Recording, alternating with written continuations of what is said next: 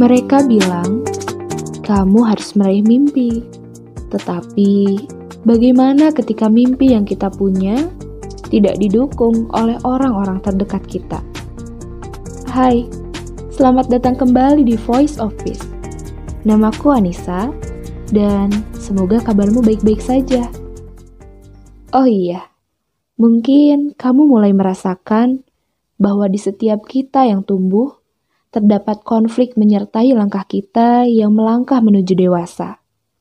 Boleh dikatakan, hidup ini penuh konflik, baik dengan diri sendiri atau lingkungan.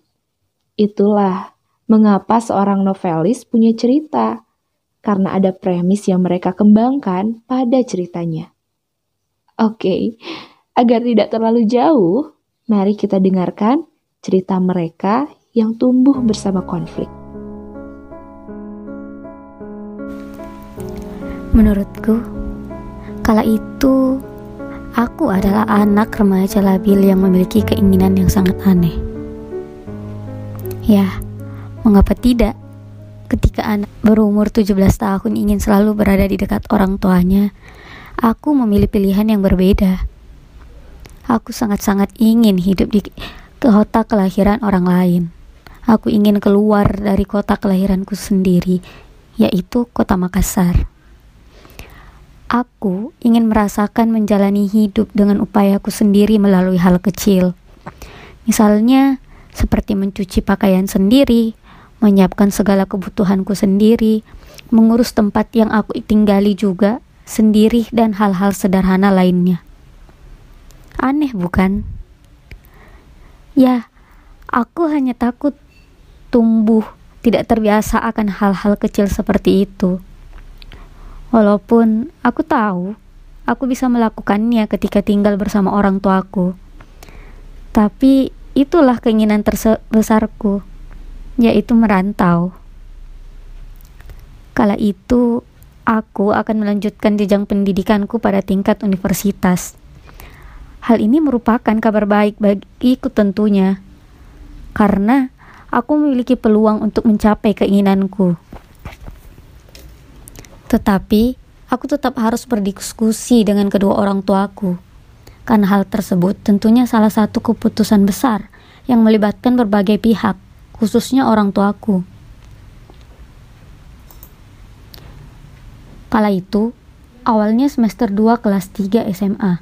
Ibuku mengatakan bahwa aku boleh untuk kuliah di, di luar kota Makassar. Senang sekali hatiku saat itu itu mendengar sepenggal kalimat yang singkat namun sangat membahagiakan. Namun, seiring berjalannya waktu, pemilihan SNMPTN kian semakin dekat.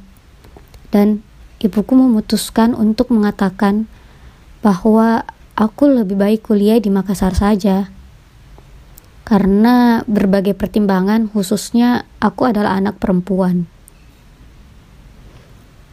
Wah, sungguh hantaman keras bagi diriku ini yang sudah terbang tinggi karena terlalu kegirangan, kemudian mendapatkan kabar yang sangat tidak mengenakan hati.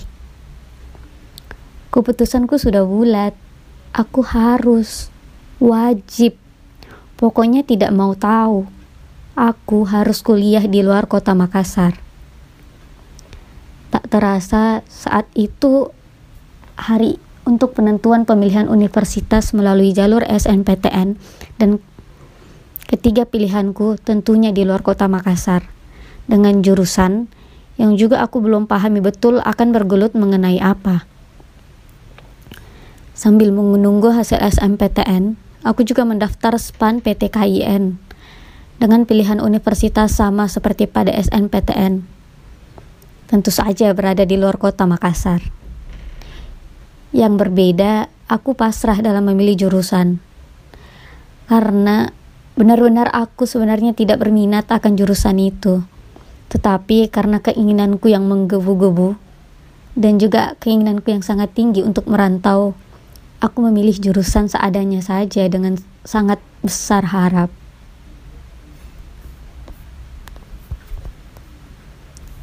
Ting, ting, ting. Bunyi apa itu? Ternyata keramaian mulai menyelimuti berbagai chat grup WhatsApp. Berbagai media juga telah memberitakan dan memposting situs-situs untuk mengakses daftar nama calon mahasiswa baru di berbagai perguruan tinggi negeri. Tentu saja aku tidak ingin kalah dong. Aku segera beranjak, mengambil laptop dan langsung mengakses salah satu link universitas. Tak lupa mulutku komat kamit dengan penuh harap agar keterima. Dan hasilnya,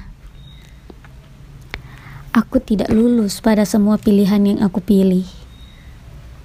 Rasanya, ah, mentok sekali. Tak bisa mulutku mengucapkan satu kata pun. Bahkan air mata pun tak bisa keluar. Tiba-tiba berasa ada kabut hitam pekat. Sangat sedih tapi aku hanya bisa diam. Waktu terus berjalan, aku berusaha, berusaha menenangkan diri, memberikan sedikit harapan yang aku punya sembari menunggu pengumuman SPAN PT KIN.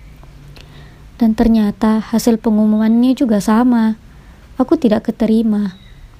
Saat itu juga aku merasa mengapa jalan hidupku seperti ini. Dari kegagalan tersebut, membuatku betul-betul pasrah. Keinginanku bukan lagi untuk ingin merantau, tapi aku mau kuliah. Aku harus kuliah. Sedikit demi sedikit aku mulai mengumpulkan berbagai harapan yang telah entah ke mana perginya. Berharap pada satu hal, yaitu SBMPTN. Oh iya, mengenai orang tuaku, bagaimana respon orang tuaku terutama ibuku yang sudah dari awal tidak mengizinkanku. Apakah mereka marah? Apakah mereka sedih? Tidak, mereka tidak marah. Dan untuk kesedihannya, aku tahu betul. Ia pasti sangat sedih akan kesedihan yang dirasakan oleh anaknya ini. Tapi mereka tidak pernah membiarkanku menjalaninya sendiri, terutama ibuku.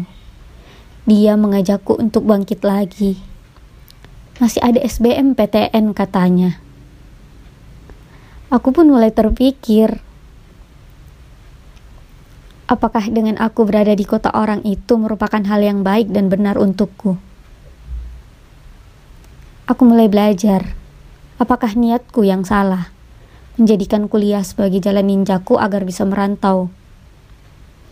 Jawabannya mungkin saja ya.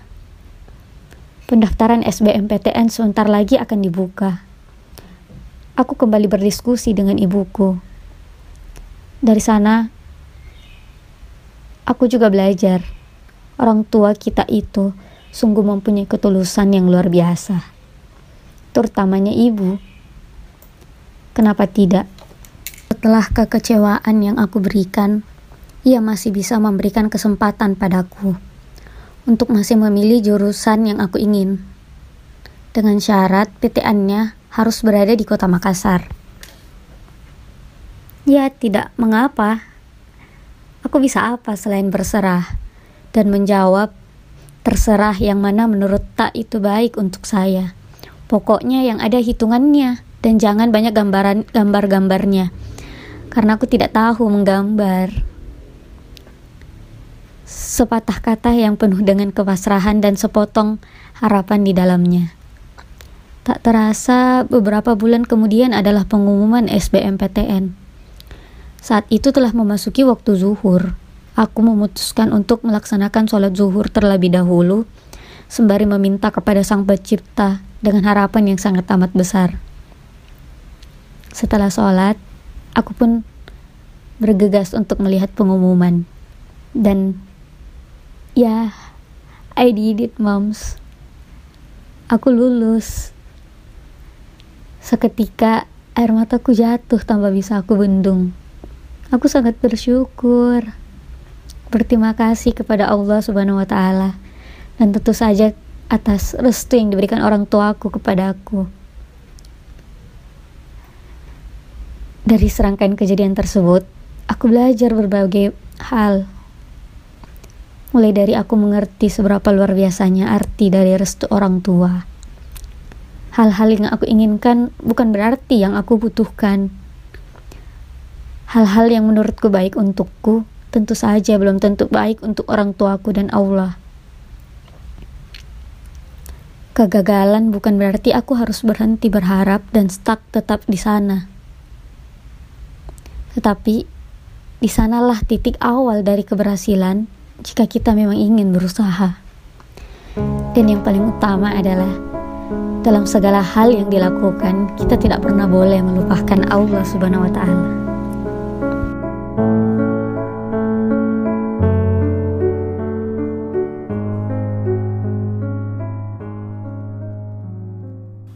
Aku termasuk orang yang suka seni peran dan seni peran itu ada di teater gitu kan dan juga di kesenian-kesenian lainnya gitu alasan aku suka seni peran itu karena di situ lebih mengutamakan praktek daripada teori percuma teorimu banyak tetapi ketika kamu tidak pernah mempraktekkannya maka tidak akan ada hasil yang bisa direview gitu kan. Nah, karena aku cinta, bukan cinta sih ya, karena aku suka teater, ketika aku kuliah, ya aku gabung dengan komunitas teater yang ada di kampusku. Ternyata di komunitas itu latihannya cukup berat tetapi asik juga gitu. Beratnya itu karena latihannya itu selama tiga bulan untuk satu kali pementasan. Selama tiga bulan itu latihan setiap hari dan setiap harinya itu latihan dua kali sore sama malam gitu. Apalagi kalau hari Sabtu Minggu, Sabtu Minggu itu nambah paginya juga jadi tiga kali gitu. Cukup memberatkan sih, tetapi karena memang suka prakteknya itu sendiri, ya aku menikmati berproses di teater itu sendiri gitu apalagi dengan peran-peran yang baru gitu kan. Senang banget. Setelah selesai di suatu pementasan aku ngerasa masih belum puas aja untuk berteater. Sehingga aku punya keinginan di tahun berikutnya gitu aku ingin menjadi aktor lagi berperan dalam suatu pementasan gitu. Ketika sampai di tahun berikutnya, ketika aku sudah punya waktu untuk ikut lagi dalam pementasan, di situ ada kendala yang menghampiriku gitu. Di mana kendalanya itu atau masalahnya itu Ketika SMA aku sudah terbiasa dengan membaca buku. Sehingga aku sudah memiliki beberapa list buku yang ingin aku beli gitu. Dan ketika sudah kuliah di waktu itu juga aku ingin membeli buku itu karena sudah penasaran banget gitu kan. Tapi masalahnya ya gak punya uang gitu. Sehingga untuk mengatasi hal itu ya mau gak mau aku harus bekerja gitu kan agar punya uang yang pada akhirnya aku beli buku itu sendiri gitu. Masalahnya kalau aku bekerja aku nggak bisa ikut pementasan. Karena latihannya selama tiga bulan tiap hari dan itu tidak mungkin banget gitu kan. Apalagi kerjanya kalau untuk mahasiswa saat itu ya kerja malam gitu. Nggak nggak apa ya nggak sinkron lah dengan waktu yang kita punya gitu. Di situlah masalah yang aku hadapi ketika itu. Tapi ketika masalah itu datang mau nggak mau kita harus memilih gitu kan. Nggak mungkin kita diamkan begitu saja itu malah buang-buang waktu saja gitu kan. Ya mau gak mau harus memilih salah satu. Dan aku mengambil keputusan yang menurut aku sendiri itu yang tepat banget. Aku berhenti kuliah. Aku berhenti di teater maksudnya tidak ikut proses itu tetapi aku memilih bekerja. Dengan harapan aku punya uang yang ingin aku beli buku gitu. Dan di teaternya sendiri aku tidak tiba-tiba berhenti gitu juga. Karena di komunitas sebelah di luar kampus itu mereka menyediakan kepada siapa pun yang ingin ikut berproses bersama dalam pertunjukannya gitu. Ya alhamdulillah banget kataku ya. Ketika masalah itu datang terus jawaban juga datang saat itu juga. Ya aku berhenti kerja dan berteater tetap berteater tetapi dibatasi dengan latihannya itu dikurangi gitu karena juga bekerja dan komunitas itu fleksibel masalah hal itu gitu. Ya begitulah cerita permasalahan yang pernah aku hadapi dengan diri sendiri. Terima kasih. Dari cerita mereka, mungkin kita bisa bersepakat bahwa hidup tidak terlepas dari konflik. Konflik itu tidak harus kita hindari atau dijauhkan dari hidup kita. Kita punya pilihan untuk melawan, punya kemampuan untuk melewati, dan punya waktu untuk mengalahkan. Dan aku punya rekomendasi untuk kamu yang sedang berkonflik, mengalah sebagai pemenang di episode sebelumnya, yang mungkin bisa kamu dengarkan. Terima kasih, sampai jumpa pada episode-episode berikutnya.